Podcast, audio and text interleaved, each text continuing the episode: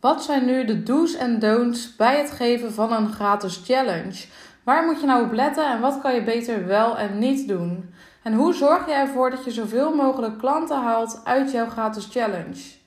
Dat ga je leren in deze podcast-aflevering. In deze aflevering wil ik het met je hebben over een aantal inzichten die ik heb opgedaan vanuit het geven van een gratis challenge. Vorige week gaf ik een gratis challenge, een vijfdaagse challenge samen met de mannen van de Conversieclub. En um, daarbij ging het over hoe je in vijf dagen een ready-to-go weggever funnel kan bouwen, inclusief strategie, tekst en techniek. Dus dat was ook de belofte van de gratis challenge. En dan kom ik meteen bij het eerste inzicht en dat is dat het belangrijk is om een specifieke belofte te maken voor jouw gratis challenge. Wat gaat jouw deelnemer leren in die gratis challenge? Wat is het eindresultaat van deze gratis challenge? En door dit zo specifiek mogelijk te maken, is het ook meteen duidelijk voor de deelnemers wat ze hebben aan jouw challenge en waarom ze mee zouden willen doen. Dus in ons geval is dat heel specifiek in vijf dagen een ready-to-go weggever funnel. En dat is ook wat we hebben uh, neergezet tijdens die challenge. Dus we hebben eerst bepaald wat is nu de belofte. En uh, toen zijn we ook meteen gestart met het promoten van de challenge. Dus we hadden nog helemaal niks gemaakt qua inhoud. Maar we zijn eerst begonnen met het promoten van de challenge. Want het kost best wel wat tijd om uh, veel deelnemers te krijgen voor die gratis challenge. En wat we daarbij zijn gaan doen is een paar weken van tevoren zijn we de challenge gaan promoten um, op onze uh, kanalen en onder onze bestaande volgers. En dat is ook meteen de volgende tip. Begin met het promoten van de challenge onder je bestaande. Dus dat kan zijn uh, je Instagram-volgers, het kan zijn uh, je Facebook-vrienden, het kan zijn je mailinglijst. Dat zijn allemaal plekken waar je jouw challenge kan promoten. Dus je hoeft ook niet meteen te beginnen met het inzetten van advertenties. En als je al een wat grotere mailinglijst hebt of je hebt al een wat groter bereik, dan zal je zien dat je ook snel uh, de eerste deelnemers krijgt voor jouw challenge. Dus dat is dan ook meteen de volgende tip. Begin op tijd met het promoten van jouw challenge. En uh, maak eerst een pagina waar mensen zich kunnen aanmelden voor jouw challenge. Zet op die pagina wat de specifieke belofte is, wat het eindresultaat is van jouw challenge. En spreek daar ook heel goed jouw doelgroep aan. Dus wie wil je bereiken met de challenge? En zodra je die pagina hebt, dan kun je beginnen met promoten. En ik zou dus niet beginnen met het maken van de inhoud. Want je wil eerst kijken of de challenge aanslaat. En als de challenge helemaal niet aanslaat en je bent al begonnen met het maken van alle content, dan uh, verspil je dus een hele hoop tijd. Dus ik doe altijd eerst verkopen en dan maken. Dus dat zijn al uh, twee inzichten die ik met je wil delen. Maak een specifieke belofte met daarin het eindresultaat van jouw challenge, zodat de deelnemers meteen weten wat ze eraan hebben. En begin op tijd met promoten. Nou, naast jouw bestaande uh, bereik kun je ook advertenties inzetten. En ook daarbij is het belangrijk dat je weer op tijd begint met het draaien van advertenties, omdat het vaak wat tijd kost om te kijken welke advertenties wel en niet goed werken. Je hebt wat tijd nodig om de advertenties te gaan optimaliseren. En begin dan ook altijd met een aantal verschillende advertenties en gebruik iedere keer een andere invalshoek in de advertentieteksten. Zo zorg je er namelijk voor dat je verschillende, um, ja, dat je mensen op verschillende invalshoeken kan aanhaken. Want sommige mensen zullen aanslaan op één invalshoek en de andere mensen zullen aanslaan op de andere invalshoek. En door die verschillende invalshoeken te gaan testen, zie je ook meteen wat het beste werkt. Als je verschillende invalshoeken hebt geprobeerd, dan kun je ook verschillende afbeeldingen gaan testen. Dus um, gebruik bijvoorbeeld een afbeelding uh, waar je zelf op staat, maar gebruik bijvoorbeeld ook een, een leuk gifje of gebruik een afbeelding met alleen maar tekst. Dat zijn allemaal dingen die je kunt gaan testen. Dus wij zijn zelf begonnen met um, drie weken van tevoren adverteren. En de eerste week zagen we nog best wel weinig resultaat, omdat de advertenties wat tijd nodig hadden om de juiste doelgroep te bereiken. En daarna ging het dan ook meteen beter lopen. Nou, het volgende inzicht is dat je wil blijven promoten tot het allerlaatste moment. Want wat we zagen is dat er nog heel veel deelnemers bij kwamen een paar uur voordat de challenge begon en een dag voordat de challenge begon. En nu kan je uh, misschien denken van, oh, ik heb het al zo vaak gepromoot. Nu zullen mensen het toch wel gezien hebben. Nou, dat is toch vaak niet het geval, want de meeste mensen stellen uit. Ze denken, oh, ik zal me later wel een keer aanmelden. Dus als jij dan stopt met promoten, dan mis je gewoon een hele grote groep deelnemers.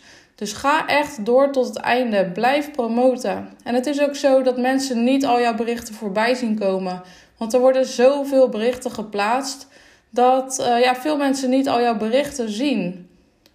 Dus wees niet bang dat je te veel aan het promoten bent. Het is echt nodig um, om het meerdere keren voorbij te laten komen. Mensen hebben herhaling nodig voordat ze een beslissing nemen. Dit geldt ook bij het doen van je aanbod. Dus tijdens de challenge hebben we een aanbod gedaan. En ook hierbij hebben we het weer meerdere keren moeten herhalen. Dus we hebben het aanbod al tijdens de challenge gedaan. Dus we hebben het al in de presentatie zelf een aantal keer benoemd. Wat dus ook echt een aanrader is. Dus je hoeft niet uh, per se te wachten totdat je bij de laatste dag van de challenge bent en dan je aanbod doet. Maar je kunt ook al op uh, eerdere dagen tijdens de challenge jouw aanbod doen. Want er zijn altijd mensen die al hebben besloten dat ze uh, verder willen met jou en dat ze dus jouw betaalde aanbod willen. Dus ook dat is een inzicht. Je kunt op meerdere momenten tijdens die challenge een aanbod doen. En als we dan kijken uh, naar het aantal verkopen. Dus wat we hebben gedaan is we hebben um, vanaf de laatste dag van de challenge, dus op dag 5, toen zijn we echt het aanbod um, gaan doen. Dus echt de harde pitch, zeg maar. En um, ja, toen zijn er een aantal mensen ingestapt. Maar daarna hebben we nog een paar dagen meerdere mails gestuurd. En wat we toen ook zagen, is dat een paar uur voordat de deadline was, dat de meeste mensen zich aanmelden. Dus je ziet altijd een piek net voor de deadline. Dus ook bij het doen van je betaalde aanbod na de challenge wil je doorgaan tot het laatste moment en wil je op de laatste dag bijvoorbeeld meerdere e-mails sturen om mensen eraan te herinneren dat het aanbod verloopt. Nou, wat ook heel goed heeft gewerkt is dat we een winactie hebben ingezet. Dus uh, als we dan kijken naar hoe we de challenge hebben opgezet, dan was dat dat mensen uh, zich konden aanmelden voor de challenge. En dan kwamen ze vervolgens op een bedanktpagina terecht. En op die bedanktpagina hadden we een winactie staan. En wat we daar uh, deden was dat je de challenge kon delen op Instagram. Je kon de, de Funnel Builder Bootcamp delen op Instagram. En dan kon je kans maken op een funnel VIP sessie. En op die pagina stond dan dat we uh, vijf winnaars zouden kiezen voor die funnel VIP sessie. En het enige wat je hoefde te doen was de bootcamp delen in de Instagram stories. En ik had daar ook al een template voor gemaakt. Dus ik had een story template gemaakt om het mensen zo makkelijk mogelijk te maken om de bootcamp te delen. Dus ze konden een afbeelding opslaan en die afbeelding konden ze gebruiken in de Instagram stories en ze konden ons dan taggen. En op die manier is de bootcamp best wel vaak gedeeld en hebben we op die manier dus ook extra aanmeldingen gekregen. Want als iemand jouw uh, challenge deelt, dan bereik je dus ook het netwerk van die deelnemer. Dus daardoor krijg je snel een groter bereik. Dus ook dat is een hele, hele goede strategie die je kunt inzetten om jouw challenge te promoten. Nou, daarnaast heb ik uh, deze uh, Funnel Builder Bootcamp gegeven met een ander bedrijf, namelijk met de Conversieclub. En ook dat is een aanrader. Dus je kan ook samenwerken met andere bedrijven, met andere ondernemers. En het voordeel daarvan is dat je gebruik kan maken van elkaars bereik. Dus um, ja, wij hebben bijvoorbeeld de bootcamp gedeeld ook op de mailinglijst van de Conversieclub. En daardoor bereikte ik dus ook meer mensen die binnen mijn doelgroep vallen. Dus niet alleen mijn eigen bereik, maar ik heb ook gebruik gemaakt van het bereik van de andere partij. En zo werkt het ook andersom. En belangrijk hierbij is dat je wel uh, samenwerkt met een ondernemer die dezelfde doelgroep heeft als jij en een iets ander aanbod. Dus je moet niet rechtstreekse concurrenten van elkaar zijn. Dus zorg ervoor dat, um, dat je dezelfde doelgroep bedient, maar dat je een ander probleem oplost, zodat het heel goed op elkaar aansluit. Dus tijdens de bootcamp heb ik me bijvoorbeeld vooral gericht op de technische kant van funnels. En de conversieclub heeft zich gericht op de uh, strategie en de copywriting kant van funnels. En op die manier sloot dat heel mooi op elkaar aan en konden we echt een totaalplaatje aanbieden als het gaat over funnels. Dus je hoeft niet per se ehm, advertenties in te zetten om deelnemers te krijgen. Je hoeft ook niet per se op een organische manier jouw challenge te promoten. Maar er is dus ook een derde manier en dat is dat je gebruik maakt van iemand anders bereik. Dus door samen te werken met een andere partij. Nou, dan wil ik nog een inzicht met je delen. En ehm, dat is dat wij gratis de leads hebben verzameld op een hele slimme manier. Wat we hebben gedaan is het aanbieden van een kassakoopje op de afrekenpagina. En met dat kassakoopje konden de deelnemers de opnames kopen van de bootcamp voor 17 euro. En daar is ook veel gebruik van gemaakt. Dus voor 17 euro konden mensen de opnames kopen van de bootcamp. Dus ze konden tijdens de vijfdaagse bootcamp um, alle live sessies bekijken. Maar na een week hebben we de live sessies verwijderd en kon je het alleen nog terugkijken als je de opnames had gekocht. En veel mensen hebben dus gebruik gemaakt van het kassakoopje. Dus veel mensen hebben de opnames gekocht voor 17 euro. En dat heeft ervoor gezorgd dat we al voorafgaand aan de challenge winst hebben gemaakt. Dus met die opnames konden we al meteen de advertentiekosten 100% dekken en we hebben zelfs winst gemaakt. Dus daar hebben we ook al uh, ja, aan verdiend. En tijdens de bootcamp hebben we natuurlijk nog een ander aanbod gedaan, waardoor we nog meer uh, omzet eruit hebben gehaald. Dus een kassakoopje werkt heel erg goed. Dus je kunt een kassakoopje aanbieden, zodat mensen de opnames kunnen kopen. Nou, vervolgens een ander inzicht is dat het ook belangrijk is om een goede after-sales campagne te doen. Dus na de bootcamp, uh, na het doen van het hoofdaanbod, kan je ook nog een downsell aanbieden. Wat je bijvoorbeeld kan doen is dat je na de bootcamp nog een mail stuurt. Uh, waarbij je nogmaals de opnames van de bootcamp aanbiedt. Want er zijn altijd mensen die nog niet de opnames hebben gekocht en het toch nog wel graag willen kopen. Dus daar kan je sowieso nog een mail over sturen. Wat je ook kan doen is uh, dat je een mail stuurt over uh, het verzamelen van reviews. Dus je wil ook reviews verzamelen van jouw challenge, zodat je die reviews weer kan gebruiken voor de volgende keer dat je de challenge geeft. En wat wij hebben gedaan is dat we een mail hebben gestuurd waarbij we vroegen om een review achter te laten. En in ruil daarvoor kregen ze dan iets. En in dit geval kregen ze dan een extra training. En daardoor, op die manier, hebben we heel veel goede reviews kunnen verzamelen. Omdat mensen dan echt een beloning krijgen.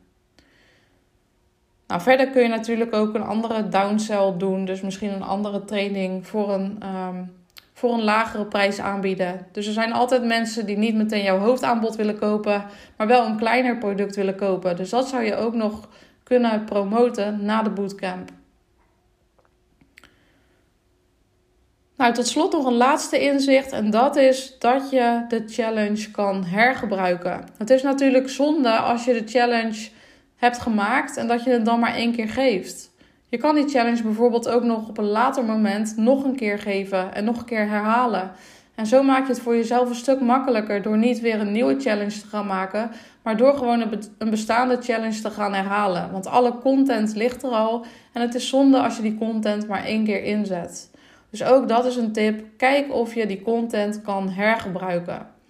Wat je ook zou kunnen doen is dat je er een funnel op zet. Dus dat je een funnel zet op jouw challenge, zodat je doorlopend die challenge kan verkopen. En dan kan je het bijvoorbeeld inzetten als een training. Dus noem het dan geen challenge, maar bijvoorbeeld een training. Zodat mensen dat zelf kunnen doorlopen. Zodat je daar dus een funnel op kan zetten. Zodat je nog steeds die, uh, ja, die content van die challenge kan verkopen.